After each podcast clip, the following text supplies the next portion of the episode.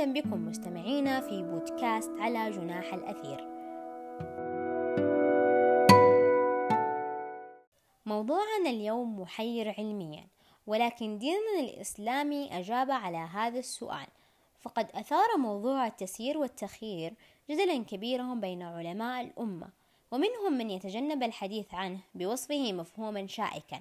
لكن الشيخ ابن باز أجاب على هذا السؤال وطرحه بالتفصيل بناء على المنطق والحجة والبرهان مستدلا على ذلك بآيات من القرآن وأحاديث نبوية وكذلك أقوال من السلف الصالحين. وقد حاولت أن أقطف لكم ثماره في مقطع صوتي بسيط. يظن البعض أن القضاء والقدر يلغي حق الإنسان في الاختيار لكنه على العكس من ذلك. قال أبو سليمان الخطابي وقد يحسب كثيرا من الناس أن معنى القضاء والقدر إجبار الله سبحانه وتعالى العبد وقهره على ما قدره وقضاه وليس الأمر كما يتوهمون وإنما مفاده الإخبار عن تقدم علم الله سبحانه وتعالى. إن التوقع أو التخطيط المستقبلي أمر منطقي في حياة كل إنسان إلا أنه منفصل عن المستقبل لأنه يدخل في باب الإرادة والاختيار عكس المستقبل المحجوب عنا اللحظة الحاضرة. فالقضاء والقدر ليس أكثر من علم الله بما يجري أو سيجري في الكون فهو لا يستوجب الإجبار والإلزام حيث أنه بجهد الإنسان تتفتح أزاهير الخير والإصلاح وبسوء سعيه يكون قد أوقد نيران الفساد والشرور وكلنا الآن نتساءل إذا وأفعال الإنسان من الذي خلقها؟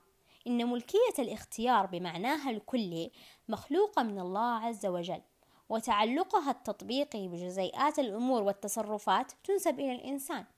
فالإنسان مخير وميسر جميعا. هو مخير لأن الله أعطاه عقل وأعطاه مشيئة وأعطاه إرادة يتصرف بها.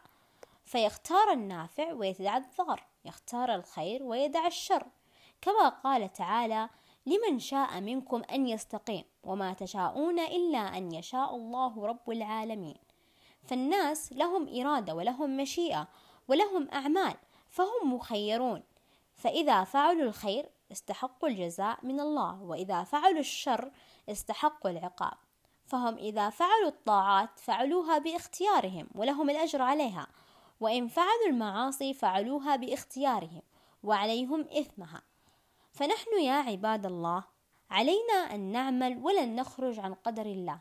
علينا أن نعمل ونجتهد في طاعة الله ونسأل ربنا التوفيق وعلينا أن نحذر ما يضرنا ونسأل ربنا الإعانة على ذلك.